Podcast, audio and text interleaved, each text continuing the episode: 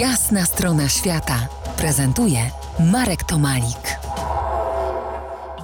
Moim gościem Andrzej Piętowski, podróżnik, kajakarz, zdobywca i odkrywca, wiceszef polskiego oddziału Explorers Club. Rozmawiamy o Andach południowego Peru, o czterech dekadach słynnej wyprawy, która zdobyła dla nas najgłębszy kanion świata, kanion rzeki Kolka. Andrzeju, ten najgłębszy kanion zamieszkują największe ptaki świata. E, tak, e, mówisz o kondorach i tutaj tylko powiem, że w milionerach, jeśli padnie takie pytanie, co, który z ptaków jest największy na Ziemi, oczywiście każdy odpowie kondor, także przestrzegam, bo jest jeszcze albatros diamadea, tylko tutaj jest różnica. Albatros ma skrzydła zmierzone 3,70 m, kondor największy zmierzony 3,30 m, ale jak się złoży wagę kondora i z jego skrzydłami, absolutnie góruje w przestworze. No i kondory mają gniazda lęgowe w kolce, gdzie jest to główna atrakcja e, kanionu, bo nie wszyscy mogą zejść i robić trekking albo wiosłować kajakami czy pontonem. Jest to e, bardzo mały tam margines, bardzo mały procent.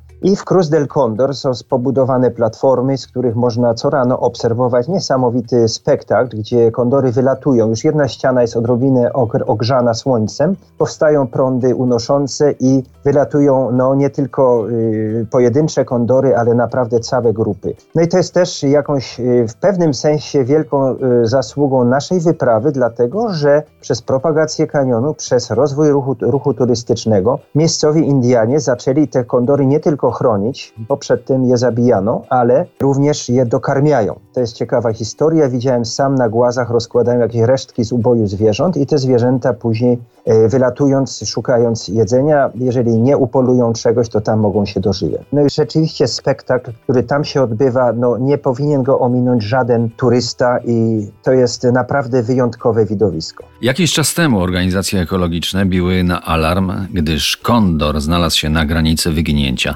Warto pamiętać, że kondor to wciąż bardzo ekskluzywne trofeum. Widziałeś takie trofea w peruwiańskich czy nieperuwiańskich domach? Owszem, tak. Widziałem kondory jako trofea w, i w Peru, i w klubach, i w restauracjach, ale również i w sąsiedniej Argentynie. Na szczęście ten proceder już jest zahamowany. No i w tym pomaga biznes. Y, górale, Indianie zrozumieli, że oni żyją w tej chwili z turystyki, nawet więcej mają dochodów z turystyki niż z, z rolnictwa. No więc już zaczęli chronić przyrodę. Rok temu doszło do niezwykłego wydarzenia. Kondor zahaczył o linię wysokiego napięcia i spadł na ziemię. Opowiemy o tym za kilkanaście minut. Zostańcie z nami po jasnej stronie świata. To jest jasna strona świata w RMS Classic.